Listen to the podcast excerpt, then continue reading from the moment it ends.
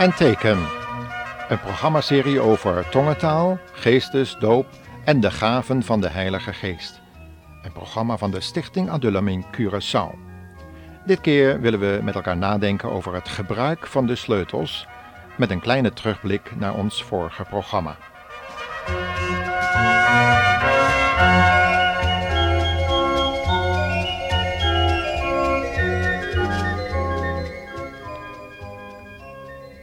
In ons vorige programma hebben we de luisteraar duidelijk proberen te maken aan de hand van Romeinen 8, vers 9, dat er zonder geest geen leven is en dat je ook niet kan zeggen dat je dan het eigendom van de Heer Jezus bent. Zonder de Heilige Geest kun je niet de dingen van God begrijpen. We hebben dus gezien dat er een oprechte en radicale bekering en overgave voor nodig is. En zeker dat de Heer Jezus ook werkelijk als Heer in het leven kan wonen. In ons hart dus. En dan zullen we bemerken dat Gods geest in ons werkzaam is en ook met onze geest gaat getuigen dat wij kinderen van God zijn. En er komt vanzelf ook die negenvoudige vrucht van Gods geest openbaar, zoals we dat lezen in Galaten 5 vers 22 liefde, blijdschap, vrede, langmoedigheid, vriendelijkheid, goedheid, trouw, zachtmoedigheid en zelfbeheersing. En dat is heel wat anders dan wat we in Marcus 7 vinden, wat er uit ons hart allemaal kan voortkomen. Overspel, hoererij, liegen, bedriegen, allerlei dingen die met onreinheid te maken hebben.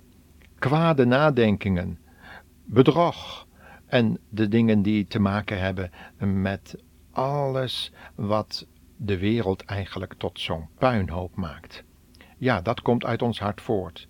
En als we dat beleiden, erkennen, dat we niet proberen onszelf hoger te zijn dan we werkelijk ons bewust zijn, dan we werkelijk weten dat we zijn, dan zal God ons hart vullen met deze vrucht van de Heilige Geest dan zal al het andere eruit gebannen worden, gereinigd worden door het bloed van Christus en door het badwater van Gods woord.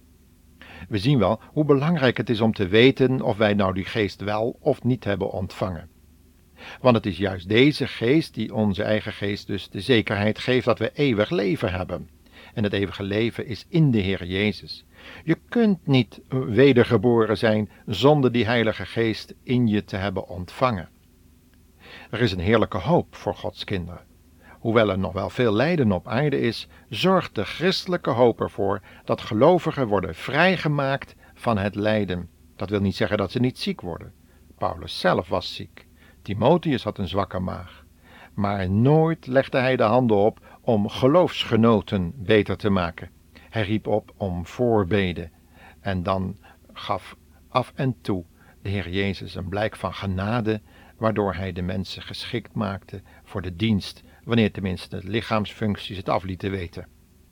Maar vaker verheerlijkte God zijn naam in de zwakheid, zoals Paulus in 2 Korinthebrief zegt. Allen die door de geest van God geleid worden, zijn zonen van God. Want, zegt Romeinen 8, vers 14, jullie hebben niet ontvangen een geest van slavernij om opnieuw te vrezen, maar ontvangen de geest van het zoonschap, door welke wij roepen, Abba, Vader.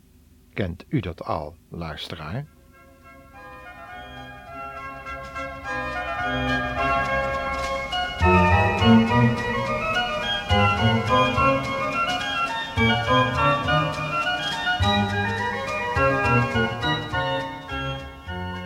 Wat is het heerlijk als Gods geest de ruimte krijgt in het leven van Gods kinderen, zodat Hij zich volledig kan openbaren door het leven van Christus te laten zien. Dat is dan ook het doel van de komst van de Heilige Geest op aarde, om te wonen in de individuele gelovigen en hem zo tot een lid van Christus te maken, het lid van het lichaam en waarbij Christus het hoofd is. En zo worden we aan elkaar gevoegd door diezelfde Heilige Geest we zijn door één geest tot één lichaam gedrenkt. Geweldige waarheid, die in de wedergeboorte ook zichtbaar wordt. Maar we zouden het over het gebruik van de sleutels hebben. De kerntekst daarvoor is Handelingen 8, vers 12 tot 17. Daaruit citeren we het volgende. De apostelen in Jeruzalem hoorden dat de bevolking van Samaria in de Heer Jezus was gaan geloven. Daarom stuurden zij Petrus en Johannes erheen om eens te kijken. Het bleek dat de nieuwe volgelingen wel in de naam van de Heer Jezus gedoopt waren, maar niet de Heilige Geest aan te ontvangen. Daarom baden Petrus en Johannes voor hen, legden hun de handen op en zij ontvingen de Heilige Geest. We maken allemaal wel eens deuren open. Dat kan van binnenuit, maar ook van buitenaf. De Heer Jezus heeft dat beide gedaan in zijn leven op aarde. Van binnenuit heeft hij de deur van de hemel geopend door naar deze aarde te komen om de weg er naartoe te openen en zijn leven voor zondige mensen over te geven. Ik ben de weg, zegt Jezus terecht. Binnen het kader van deze uitzendingen over geestesdoop en tongentaal zijn we nu aangekomen bij de gebeurtenissen in Samaria. En daar waren mensen tot geloof gekomen die nog niet, zoals het daar staat, de Heilige Geest ontvangen hadden. Daarom konden ze ook nog niet gerekend worden tot de eerste christengemeente. Het gevolg was dat ze nog niet openlijk, vrijmoedig durfden te getuigen. Er moest iemand komen die de deur naar dat getuigenis binnen het koninkrijk der hemelen zou openen. Wanneer wij Matthäus 16, vers 19 lezen, zien we dat Petrus de sleutels werd toevertrouwd van dit genoemde koninkrijk. En nadat de Heer Jezus verworpen was als de Messias van Israël, wordt er in de schrift gesproken over de verborgenheid van dat koninkrijk. Het zou alleen geopenbaard worden aan mensen die zich bekeerden, zoals deze Samaritanen. Vandaar dat Petrus erbij geroepen werd om de sleutels die de Heer Jezus hem toevertrouwd had te hanteren. En die sleutels zijn niet in andere handen overgegaan. Die sleutels blijven eigendom van de Heer Jezus zelf. En nu in de handen van Petrus gegeven, kon hij de Samaritaanse gelovigen binnenleiden in het koninkrijk der hemelen. Hij vereenzelvigde zich met hen door de handoplegging, en zodoende kon ook de Heilige Geest zich openbaren in hun leven. We lezen dat in Handelingen 8, vers 17. En na deze gebeurtenis lezen wij niet meer dat Petrus de sleutels hanteerde. De deur was nu open en iedere heiden die tot geloof kwam kon naar binnen gaan en zou onmiddellijk de Heilige Geest ontvangen op grond van geloof alleen. De handoplegging van Petrus functioneerde hier als het ware als het gebruiken van een sleutel, die een half Joodse volkstam zou invoegen in het verborgen koninkrijk dat zowel uit bekeerde Joden als bekeerde heidenen zou bestaan, en waarin nog Jood, nog Griek was. De Heer Jezus had hier al over gesproken in Johannes 10, waar we de kudde zien die bestaat uit schapen uit Israël en die uit de volkeren. En het zou worden één kudde en één herder. Uit deze geschiedenis van de Samaritaanse gelovigen kunnen we leren dat niet iedereen die zich liet dopen en de Heer Jezus met de mond beleed, de Heilige Geest ontving. De uiterlijk bekeerde Simon de tovenaar ontving deze geest niet, ondanks dat hij het geloofde en zich had laten dopen en zelfs gedurig bij Filippus bleef. Petrus doorzag hem en herkende iets van de toestand van zijn hart. Zonder oprecht zondebesef kan niemand de Heilige Geest ontvangen. Want deze geest overtuigt immers van zonde, gerechtigheid en oordeel. We leren hieruit dat er wel een bepaalde gave van Gods geest actief kan zijn over iemand, maar dat dat niet hetzelfde is als de Heilige Geest als persoon in je leven ontvangen en die daar zeker schoon schip zal maken. Neem nu eens de profeet Biliam. Die getuigde door Gods geest over de toekomst van Israël. En hij was er zelf ondersteboven van. En hij zegt dat dan ook na de hand, dat hij zegt van, hoor, de man die in Gods raad is geweest, die heerlijke dingen heeft gezien, Biliam spreekt. En daarbij stelt hij zichzelf centraal, maar even later geeft hij een verschrikkelijk advies, wat vele Israëlieten de dood inbracht. De vermenging van occulte machten en ongelovige meisjes met gelovige jongens en een vermenging van occultisme, allerlei geheimzinnigheid en krachten uit de duisternis met datgene wat God gegeven had. Dat is tegenwoordig nog steeds de grote list. Laten we toch vaststellen dat niet door handoplegging, noch door vrome werken men de Heilige Geest in principe kan ontvangen. Met uitzondering dan bij, dan bij die Samaritanen, waar dat als een sleutel functioneerde, maar dat ook maar eenmalig was. Je kunt je één maken met het werk van Gods Geest in de wedergeboorte.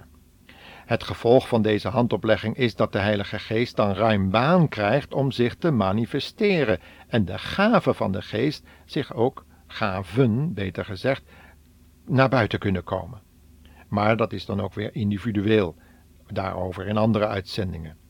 Maar de gelovigen gaan met vrijmoedigheid en met gezag spreken in een autoriteit die God alleen kan geven.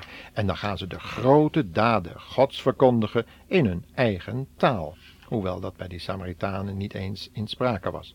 Het zal inmiddels duidelijk zijn dat Petrus niet de sleutels naar de gemeente had. Deze sleutels behield volgens Openbaringen 3 vers 7 de Heer Jezus zelf. De sleutels van het koninkrijk mocht Petrus echter hanteren. En na hem had de hele gemeente deze autoriteit, volgens Matthäus 18 vers 18. De gemeente wordt gebouwd op de rots, waarvan Petrus zelf zegt in zijn brief dat wij als levende stenen op deze rots worden bevestigd. Deze rots is natuurlijk de Heer Jezus zelf, zoals Petrus en Paulus beide aangeven. Heeft u uw levenshuis op deze ene rots gebouwd, luisteraar, of vertrouwt u nog op mensen om u heen die slechts stukjes van die rots zijn? Zoals de Heer Jezus Petrus noemde. Niemand kan een ander fundament leggen voor uw behoudenis, want wat er al ligt. Vertrouw u daarom alleen aan de Heer Jezus toe, de rots der eeuwen.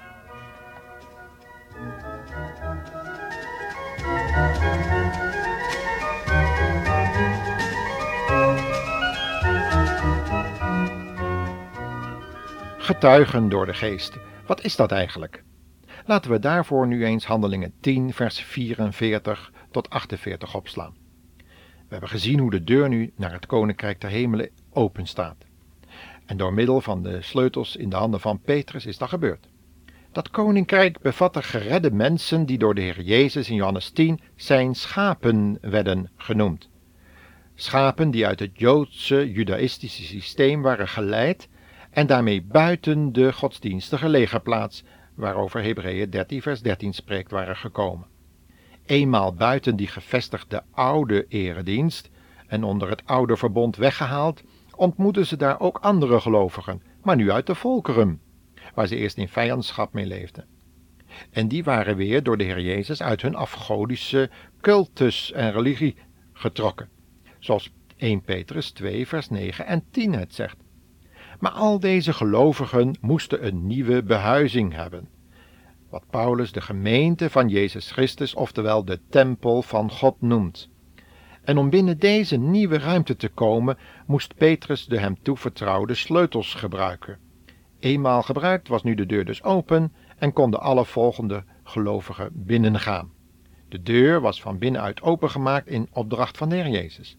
Maar toch had Petrus zelf nog een bewijs nodig dat die heidenen door het geloof echt binnen mochten komen. Hij ontving daartoe een visioen en dat gebeurde bij de bekering van die Romeinse hoofdman, wat we in Handelingen 10 kunnen lezen. God had hem laten zien dat hij behouden moest worden en dat hij woorden van behoudenis uit de mond van Petrus zou horen. Later zou Paulus onderwijs geven over het evangelie van de behoudenis, zoals we dat behandelden in een vorige uitzending rond het thema van Efeze 1 vers 13, wat over de verzegeling met de Heilige Geest ging. Voordat Petrus bereid was om dat evangelie aan heidenen te verkondigen, moest God hem in het bekende visioen dus van het laken met onreine dieren, duidelijk maken dat hij nu zelf de mensen binnen moest leiden door die reeds openstaande deur. Hij mocht niet twijfelen, want de geest vermaande hen om met de soldaten mee te gaan naar het huis van deze Romeinse hoofdman. Hierdoor zou hij wel in conflict komen met zijn Joodse broeders, maar daar mocht hij zich niet aan storen. En terwijl Petrus zijn boodschap uitsprak, viel de Heilige Geest op allen die het woord hoorden en geloofden. U ziet wel, beste luisteraar, dat hier geen sprake is van handoplegging. Eenmaal had Petrus de deur geopend en nu mocht iedereen naar binnen gaan. Door geloof ontvingen nu vervolgens de mensen die in de Heer Jezus Christus geloofden en hem aannemen, de Heilige Geest. Is dat bij u ook zo, beste luisteraar?